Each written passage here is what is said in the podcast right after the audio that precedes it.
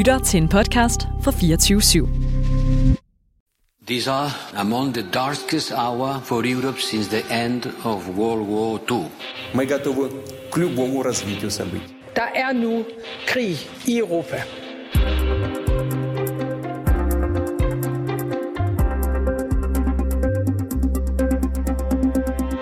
Transnistrien er en lille pro-russisk udbryderrepublik i det østlige Moldova, som på det seneste har været udsat for det, de selv betegner som terrorangreb.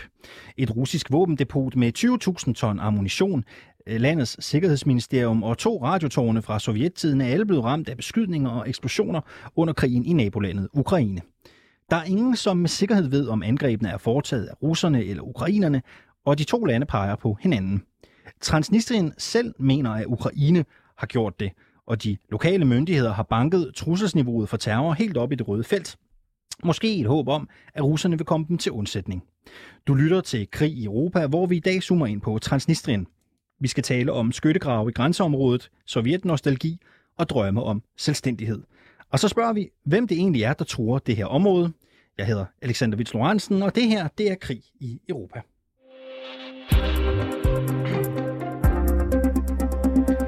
Stefan Weikert, dansk journalist i Ukraine. Velkommen til programmet. Tak skal du have. Du befinder dig lige nu i byen Kodyma i grænselandet mellem Ukraine og udbryderrepublikken Transnistrien. Du har været i området et par dage. Hvad har du set på tegn af militære aktiviteter? Der er, der er helt sikkert flere tegn. Altså, der er flere soldater, end der normalt vil være i det her område. Øh, og så er der også sådan helt synlige ting med, at der bliver gravet skyttegrav. Øh, der bliver øh, flyttet materiel rundt. Øh, og så er der også øh, generelt en, en nervøsitet i området. Altså man kan godt mærke, at øh, også når man kommer som journalist, at der er flere øjne på, og der bliver tjekket flere dokumenter, og der er mere fokus på, hvem der kommer ind og ud af området tæt op ved grænsen, øh, fordi der er de her øh, spændinger, og ingen lige nu øh, ved, hvad der kommer til at ske. Og det kan jo så være svært for dig at svare på, men jeg føler alligevel, at jeg skal spørge dig. Hvad er det, de forbereder sig på? Jamen, du nævnte jo selv øh, lidt i de kort før, de her, øh, de her, hvad kan man sige, angreb, som Ukraine bliver øh, beskyldt for af Transnistrien og, og Rusland. Og, og det, som i hvert fald Ukraine frygter, det er, at øh, ja, det er, Transnistrien, altså med, hvor der er jo russiske soldater inde omkring, så vidt jeg forstår, omkring 1.000-1.500 russiske soldater, at de simpelthen vil, vil øh, gå, blive en del af den her øh, krig mod Ukraine, og simpelthen, at øh, der vil åbne en ny front i den her krig, øh, hvilket er problem for Ukraine. Det er den ene ting. At den anden ting er også, som ukrainerne er bange for, det er, at øh, russerne vil prøve igen at se, om de kan øh, komme ned til havnebyen Odessa, eller den ukrainske havneby øh, nede ved Sortehavet, og så se, om de kan komme op og lave en, en form for, altså komme ind og som de siger, russerne måske befri, eller i hvert fald komme hen og til Transnistriens øh, grænse. Så der er ligesom to scenarier, som lige nu er i spil, og ukrainerne er meget nervøse for øh, det her med, at måske en ny front vil åbnes op, fordi de har jo Ukraine også nok at se til allerede, som det ser ud nu. Hvordan er stemningen? Jamen, stemningen er presset.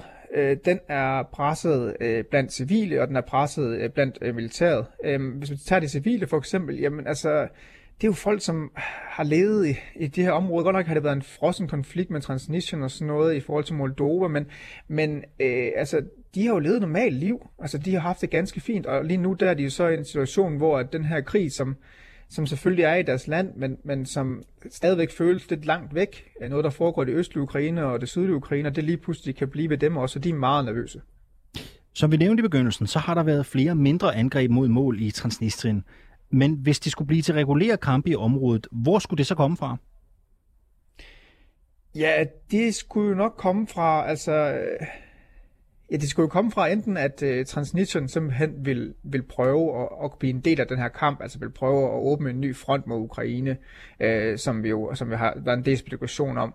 Øh, men, men det er et spørgsmål om, hvorvidt russerne har nok soldater ind i området til rent faktisk at gøre en forskel. Så der er mere det sandsynlige scenarie, som jeg hører også fra lokale, og det som man frygter her, det er, at, at Rusland på et tidspunkt vil prøve at se, om de ikke kan, kan indtage den sidste del af Ukraines sortehed, og så bringe kampen op mod Transnistrien, altså ligesom koble uh, Moldova og, og Rusland sammen, kan man sige. Det er ligesom frygten.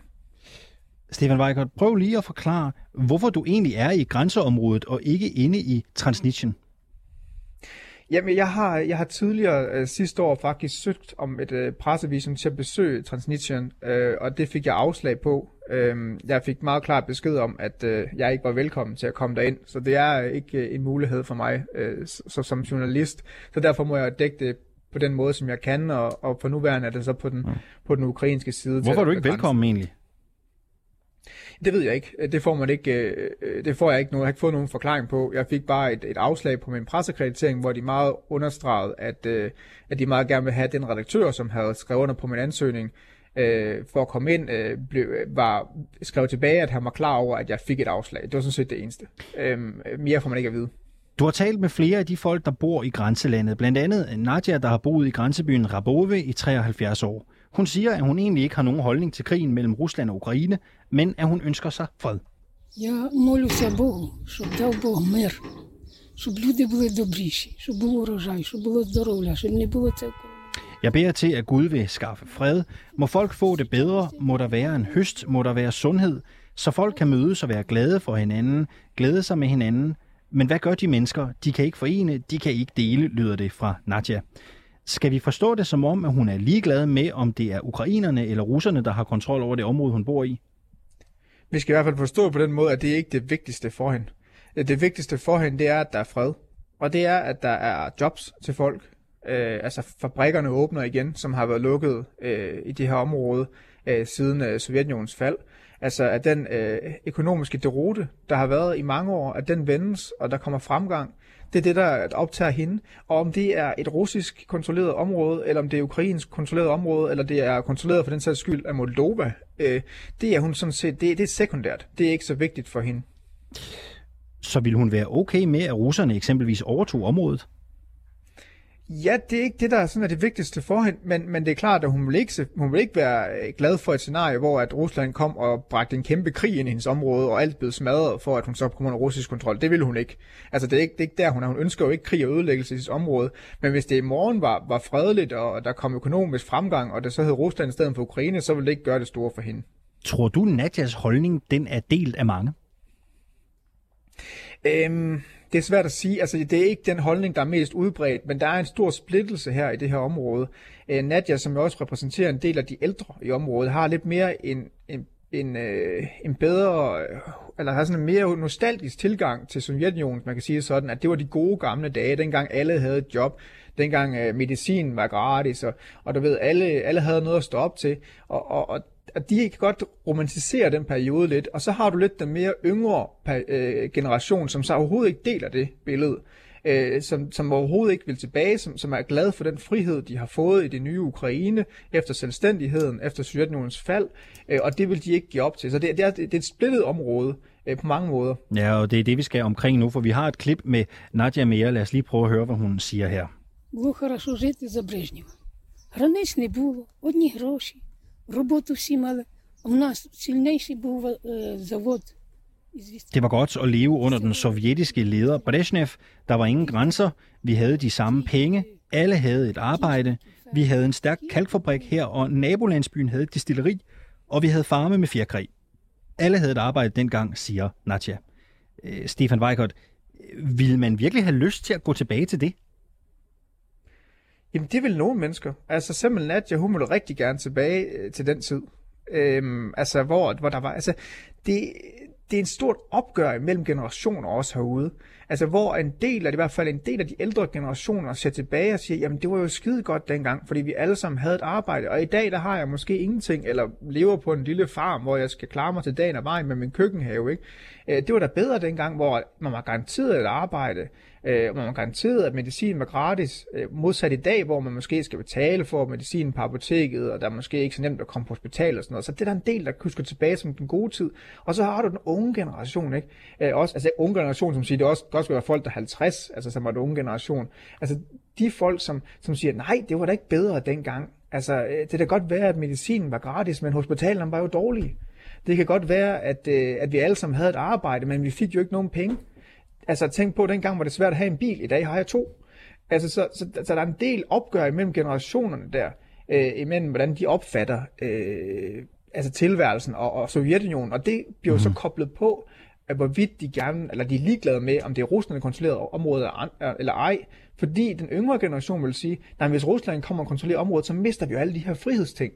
Men så de der forskellige opfattelser, Stefan Weikert, mellem den ældre og den yngre generation, øh, altså, hvordan kommer det til udtryk? Eller lad mig spørge på en anden måde, er det noget, der skaber øh, gnidninger i samfundet? Øh, jamen, det har ikke, jeg har ikke indtryk af, at det er noget, der har skabt glidninger sådan generelt set, altså i det her samfund.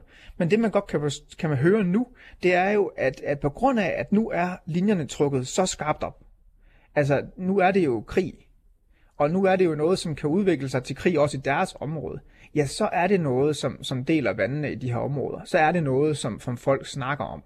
Og, og det, det kan jeg også godt høre, når jeg simpelthen fortæller, hvad Nat jeg har sagt til nogle andre mennesker i samme landsby.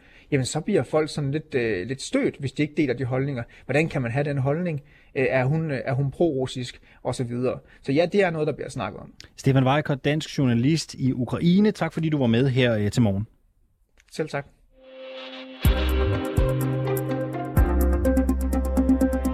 Nu skal vi bevæge os fra grænseområdet ind i selve det meget lukkede Transnistrien. Vi vil nemlig meget gerne blive klogere på den her knap 4.000 kvadratkilometer russisk sindede enklave, der også er blevet kaldt for et mini-Sovjetunionen i Moldova. Derfor har vi taget fat i dig her til morgen, Frederik Tillits. Godmorgen og velkommen. Godmorgen. Du er freelance journalist, og så har du skrevet bogen Russerne kommer, som udkommer i dag. Og tillykke ja. med den øh, forresten. Tak. Du har været inde i Transnistrien to gange, hvilket du blandt andet også skriver om i din nye bog. Allerførst, du har stadig kontakt til en ung kvinde, som du mødte inde i Transnistrien på din seneste tur dertil. Hvad siger hun om den aktuelle situation og krigen i Ukraine? Mm. Altså, jeg har kontakt til en del af mine gamle kilder, både inden og uden for Transnistrien, men, øh, men den ene, hende som du nævner, øh, Anna, der er i midten af 20'erne, og hun, øh, ja, hun øh, siger direkte, at, øh, at alle hun kender i Transnistrien glæder sig til, at, øh, eller håber på, at, øh, den, at uafhængigheden ligesom vil, øh, vil komme nu for fuld, for fuld udblæsning. Ja. Og det er en udbredt holdning, siger hun. Det siger hun, ja. ja. Hvorfor tror hun, at krigen i Ukraine kan give dem selvstændighed? Jeg tror, hun ser øh, Transnistriens kamp som en del, altså for selvstændighed som en del af den samme kamp, som bliver kæmpet øh, i det østlige Ukraine, i øh, Donetsk og Luhansk, øh, og blandt andre russiske mindretal rundt omkring i det postsovjetiske øh, ja, øh, sfære. Så hun håber i virkeligheden, at Transnistrien kan få den samme anerkendelse som øh, Donetsk og Lugansk også? Ja, det kunne man øh, tænke sig til, at det var noget, hun, øh, hun godt kunne tænke sig, at russerne, som jo ikke lige nu anerkender, ligesom ingen andre lande i verden anerkender Transnistriens selvstændighed, også vil sige, I, er, I har ret til jeres, eget, til jeres egen stat. Men betyder det også, at de ville tage imod russiske tropper med åbne arme, hvis øh, de også gik ind i Transnistrien? Som vi fik at vide lige før, så er der jo russiske tropper i øh, Transnistrien allerede, så det er jo ikke et særsyn, og det har der været altså, både siden selvstændigheden eller løsrivelsen, men jo også før har den røde armé ligesom haft øh, soldater mm. i området. Så, øh, så ja, jeg tror, at øh, store dele af den transnistriske befolkning ville tage imod russiske tanks med kysshånd. For at forstå, hvorfor nogen i Transnistrien har det på den her måde, så lad os lige blive lidt klogere på, hvad Transnistrien egentlig er for et sted. Øh, regionen har siden 1990'erne været en øh, de facto uafhængig stat i staten, så at sige. Hvordan blev den egentlig det?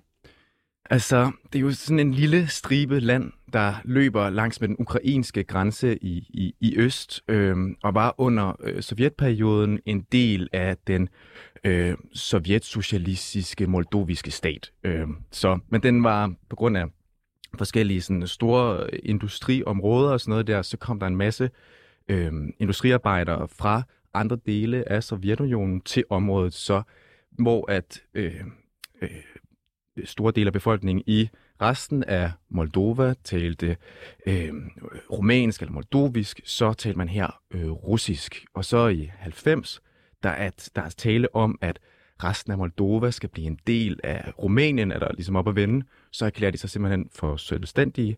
Øhm, og så to år senere udbryder der så den her borgerkrig, øhm, som ender med, at øh, de her øh, transnistriske folkemilitser kæmper mod de moldoviske styrker, og de russiske styrker, som vi talte om tidligere, mm. de ender med at, at åbne ild mod, øh, mod de moldoviske styrker, og så er de som cementerer den her øh, uafhængighed i Transnistrien. Og øh, våbenhvilen, mm. hvornår bliver den øh, indgået? I 92. I 92? Ja. Efter, Den er holdt indtil videre. Ja, og den er holdt. Ja. Du har besøgt Transnistrien to gange. Mm. Prøv lige at tage os med ind i landet. Mm. Hvordan ser det ud, eller staten kan vi også kalde det, hvordan ser det ud inde i det her område? Jamen, altså... Øh, du ser øh, sovjetiske tanks, øh, hvad hedder det, øh, mig jægerfly, øh, Lenin-skulpturer og sådan. Altså, i bund og grund, så hvis man ser på det med nogle visse briller, så ligner det jo sådan et, ja, sådan et, øh, et lille, øh, hvad kan man kalde det, so- sovjetisk reservat eller sådan. Øh, men, men det skal så også siges, at hvis man rejser rundt i store dele af udkants Rusland eller øh, det østlige Ukraine eller sådan noget der, så er der faktisk ikke sådan den store forskel. Øhm, Mm. Dog har øh, Transnistrien i deres nationalflag, øh, som det eneste flag i verden, stadigvæk hammer og sejl øh, placeret op i venstre hjørne. Øhm, Og hvad med befolkningen? Hvad er det for, øh, hvad er det for mennesker, der bor i Transnistrien? Hvordan ser de så ud? Mm, altså, det er jo en forholdsvis øh, gammel befolkning, eller en ældre befolkning, fordi at øh, Transnistrien har, ligesom store dele af, af de omkringliggende lande, har jo oplevet et, et, et decideret øh, brain drain. Altså, unge mennesker flytter fra, og alle, jeg har mødt, taler om, at de gerne vil tage sted derfra. Så, øh, så det er en forholdsvis ældre befolkning, øh, men etnisk sammensætning er det lidt et miskmask af etniske russere, etniske ukrainere, moldover, rumænere, øh, andre steder fra det tidligere Sovjetunionen. Og det er noget med, at Transnistrien jo er det eneste sted i verden, der ud over Belarus mm. øh, fortsat fejrer årsdagen for oktoberrevolutionen. Ikke engang i Rusland markeres dagen officielt. Og du har overværet den her fejring. Øhm, prøv, at beskrive, prøv at beskrive den. Øh, ja, det var så i 2017, så det er jo lang tid siden. Ikke? Mm. Øh, men det var jo for 100-året for oktoberrevolutionen, øh, at vi var øh, i Transnistrien, og vi tog til den anden største by, Bender, fordi det var der, hvor at vi fik at vide, at den helt store parade ville finde sted. Og, øh, og ja, altså det var, en, det var en stor parade, og der var, øh, der var øh, lastvogne og militære personer. Øh, der var en masse unge mennesker, der var klædt ud som, øh, som øh, soldater i den, øh, i den røde her, og man fik ligesom genopført en masse sådan, øh, hvad hedder det, storslåede begivenheder i den her sovjetiske fortid. Der var øh, Gagarin, der var den første mand i rummet, der var Lenin, der kom tilbage til St. Petersborg, eller Leningrad mm-hmm. på det her tidspunkt. Ikke? Og sådan. Så, øh, så det, var en, det var en stor dag, og den blev markeret med, med fest. Prøv lige at beskrive det der genopførelse af, af store øh, sovjetiske øh, tilbageblik i historien. Hvordan, hvordan foregik det? Prøv at sætte nogle ord på det. Øh, jamen, øh, i bund og grund, så var det en, øh, en, en lokal skuespillertrup, der øh, ligesom øh, enactede de her øh, store begivenheder. Olympiske sejre, øh, du ved, det er jo... Øh, det gælder mange steder i øh, det postsovjetiske rum, at man øh, har prøvet ligesom at finde ud af, hvad det er, der ligesom forener os. Og i Transnistrien med alle mulige etniske sammenblandinger og sådan noget der, så har det også været vigtigt at finde en, en noget at holde fast i og holde sig sammen omkring. Og der er den øh, sovjetiske storhedstid øh, en klar del af det. Der er jo tydeligvis en fascination og en fejring af sovjettiden, ud fra det, du, du beskriver her. Det er tydeligt. Men betyder det også, at man lever som under Sovjet? Øhm, det vil nogen sige. Altså, jeg har snakket med ældre kvinder, der har sagt, at øh, vi lever, som vi gjorde dengang. Sådan. Men altså, reelt så er det jo ikke en kommunistisk stat. Altså, overhovedet.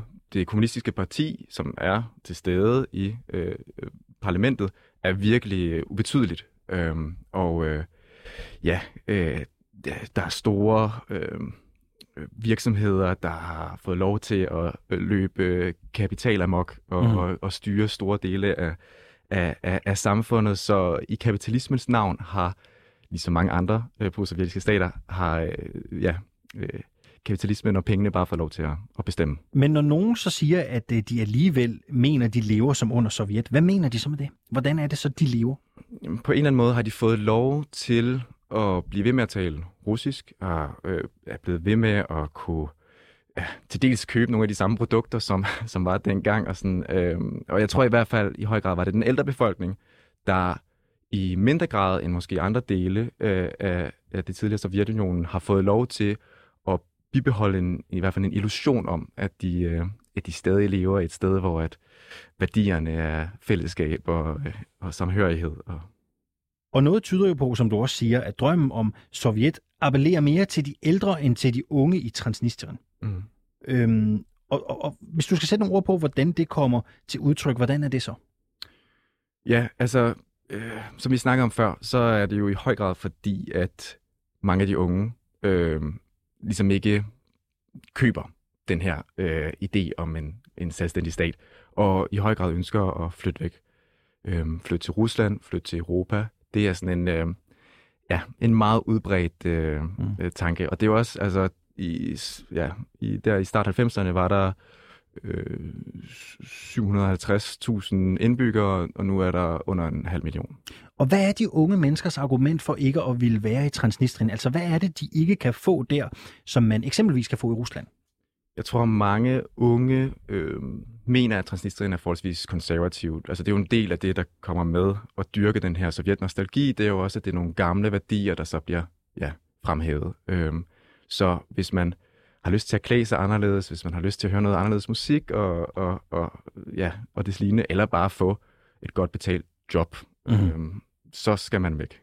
Og hvad er det for et tilhørsforhold, de unge har til Rusland, eller hvordan er det, de lettere kan identificere sig med Rusland? Du siger, det er der mange af dem tager hen. Mm, altså, ja, de taler russisk. Øh, det er også, øh, så vidt jeg forstår, at der er en masse sådan udvekslingsaftaler imellem øh, Øh, universitetet i Tiraspol, og så i, øh, ja, i hvad hedder det, i St. Petersborg og Moskva. Og, øh, så, så ja, det er nemmere for dem, og øh, for mange øh, unge øh, transnistrier, så bliver det lidt set, hvis man tager til Rusland, som at vende hjem, også fordi man ja, orienterer sig i høj grad øh, i, i kraft af ens sprog og sådan noget der, øh, gennem russisk øh, YouTube og fjernsyn, det lignende.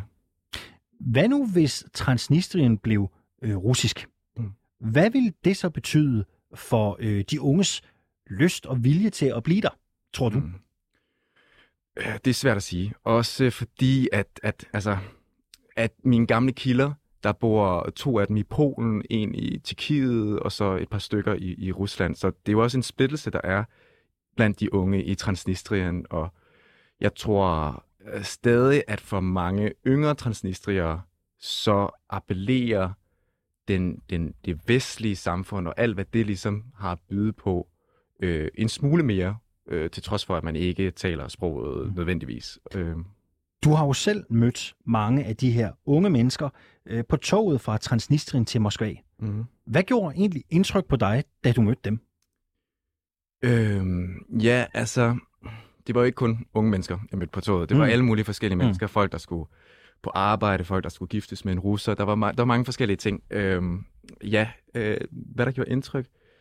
At øh, måske at, at øh, folk i høj grad øh, var klar til at bytte livet i Transnistrien ud med et liv i Rusland. Altså, at der ikke var på den måde sådan det store sådan følelsesmæssige, at det var der det store følelsesmæssige bånd, men man var i hvert fald klar til øh, i høj grad at, øh, at, at opgive livet i Transnistrien og øh, tage tilbage til, eller tage til Rusland, og som nogen siger, og vende hjem til Rusland. Så det er glade mennesker, du mødte på det tog? Meget glade mennesker. Meget glade mennesker. Tusind tak skal du have, fordi du kom her til morgen, øh, Frederik Tillitz. Tak. Freelance journalist, og altså som sagt forfatter til den bog, der hedder Russerne kommer, som altså udkommer i dag.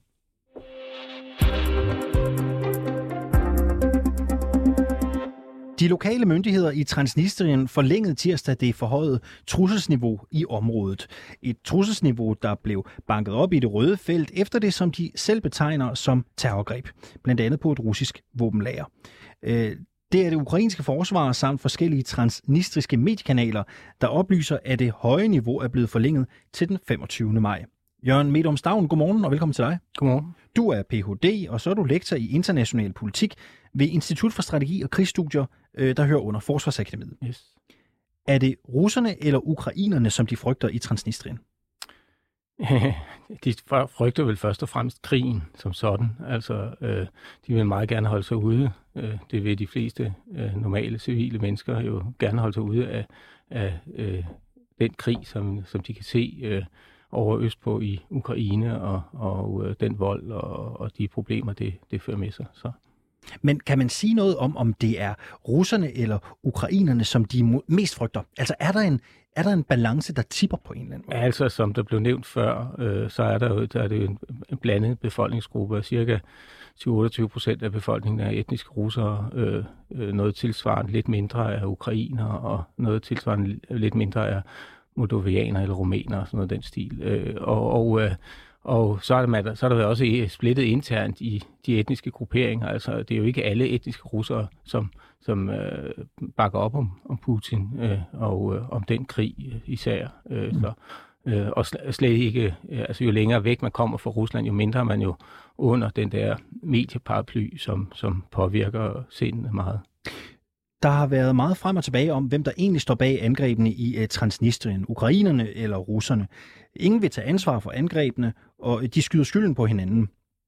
Hvem tror du egentlig står bag? Ja, det ved jeg virkelig ikke. Altså, det må jeg aldrig indrømme, fordi og de kilder, vi kan, det vi kan se derfra, det, det, øh, de, kan, de, de er røget og spejet, øh, så, så, så det, det er meget, meget vanskeligt at, at, øh, at, at gisne om. Altså, man kan, det man kan sige, hvem kan have motiv, ikke? og det, det kan nogle af de øh, øh, oprørsgrupper i Transnistrien eller, eller regeringen selv som sådan, som gerne vil, have, vil, vil sikre, at øh, at øh, russerne kommer, øh, eller at, at, at, øh, at russerne i hvert fald får et belæg for, hvis det er, at de får held med det, øh, kan komme og øh, befri, som de siger, de, de etniske russere, som så er i problemer i Transnistrien. Ville angrebene og det høje trusselsniveau i Transnistrien kunne bruges som en undskyldning for russerne til at gå ind i øh, området? Øh, det, øh, det er helt sikkert, og det er også det, man har brugt. Vi har set øh, en en, øh, øh, eller vi har set højstående russiske officerer, øh, blandt andet Minikajev, øh, øh, som er øh, vicechef for det, for det centrale militærdistrikt, øh, kom med en udmelding om, at, øh, at, at etniske russere i, i øh, Transnistrien er, er under hårdt pres, og at øh, man rent faktisk har angrebsplaner, eller øh, håb om et angrebsplan, kan man sige, om at øh, komme og befri dem. Så en form for false flag-operation måske? Øh, det kan det meget vel være.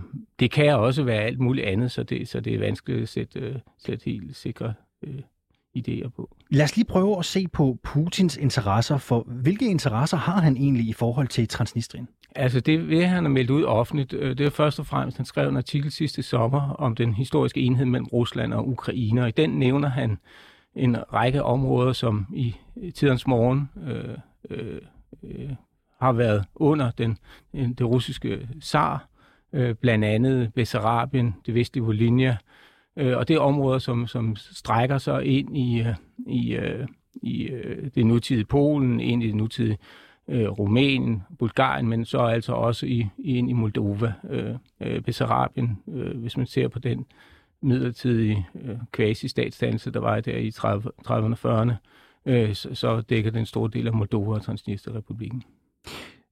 Med og, de... og det har han meldt ind som, som værende øh, tidligere russisk område, som er blevet øh, frarøvet Rusland øh, i de perioder, hvor de har været svage.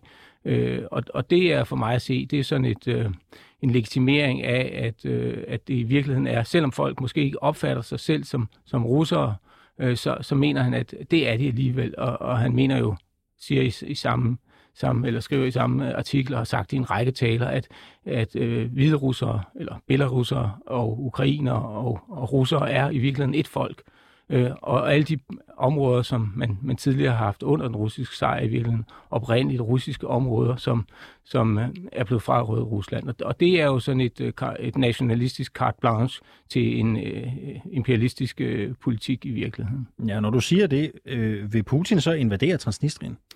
Øh, det kan godt ske, at han har intentionen om det, men lige nu står de altså i stampe over, over Østborg i, i, i Donbass-området, og, og kan jo ikke rigtig flytte sig noget synderligt, øh, og endda under pres op i Kharkiv, øh, så, øh, og, og er blevet trukket, øh, tvunget tilbage ved Mikolajev. Så, øh, så, så altså, der, skal, der skal noget mere helt i sprøjten for de russiske styrker, før de kan komme hele vejen derover. Så er spørgsmålet måske nærmere. Kan Putin invadere Transnistrien? Øh, jeg vil se det, før jeg tror det. Så det tror du ikke? Øh, altså, igen, øh, det kan jo blive en langtrukken konflikt, øh, og, øh, og, og øh, hvis russerne er i stand til at mobilisere de reserver, de styrker, de skal bruge til det, så er det ikke sikkert, at ukrainerne kan holde stand, og så kan det være, at de bliver trukket tilbage. Men altså, øh, der er langt derover. Øh, det er det ene. Og det andet er, at der er en række øh, øh, nord-sydgående øh, store, meget store floder i Ukraine, øh, blandt andet over ved øh, Odessa-egnen derovre, og, og også ved Mykolaiv, øh, som er, er og, øh, og de er ganske vanskelige at krydse. Det er sådan noget rent militærtaktisk, at øh, krigshistorisk, øh, der, der, der, var der var der også det problem. Der er blandt andet det problem, at den, den vestlige øh, øh, bred er meget højere end den østlige bred. Og det er et problem, hvis man kommer over østfra, så kan forsvarerne ligge skyde ned på en, mens man forsøger at kravle op. Øh. I begyndelsen af ugen, der så vi et angreb på den sydukrainske by Odessa, der jo kun ligger omkring 50 km fra den transnistriske grænse. Mm. Hvad tror du, det betyder for muligheden for at nå til Transnistrien?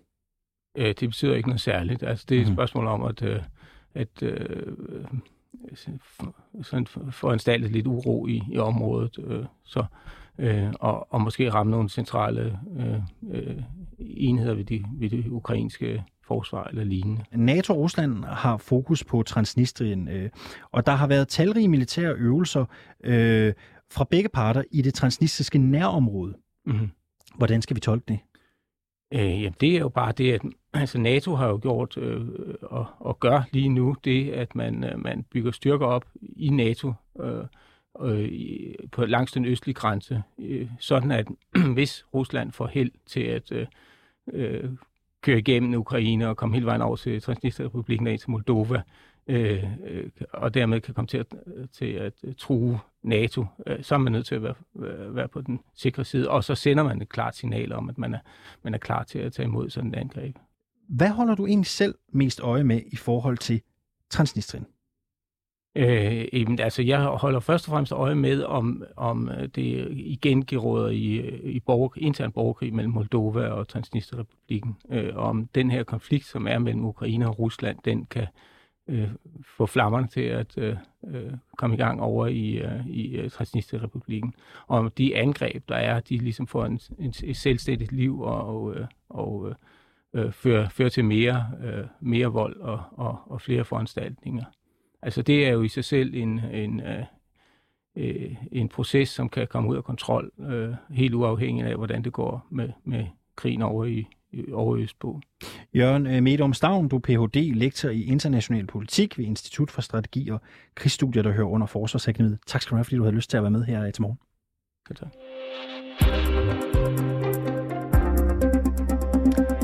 Du har lyttet til Krig i Europa. I redaktionen sidder Sofie Ørts, Oliver Bernsen og Christine Randa. Jeg hedder Alexander Vils Lorentzen. Du kan finde alle udsendelser fra Krig i Europa på 24-7's egen app, eller der, hvor du foretrækker at hente dine podcasts. Du kan naturligvis også lytte med hver dag live i radioen her mellem halv ni og ni.